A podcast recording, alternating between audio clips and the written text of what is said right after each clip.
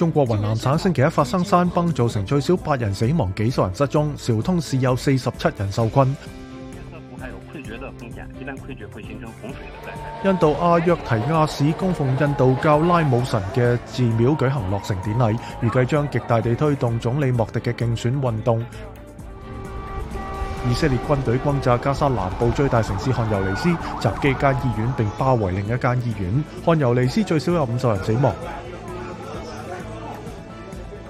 美国过去一个礼拜遭受猛烈冬季风暴袭击后，全美已经有九十几人因为天气而死亡，大片地区仍有几万人断电。预计未来几日结冰情况将会缓和。随住俄罗斯入侵乌克兰进入第三年，波兰同乌克兰领袖星期一承诺加强国防合作。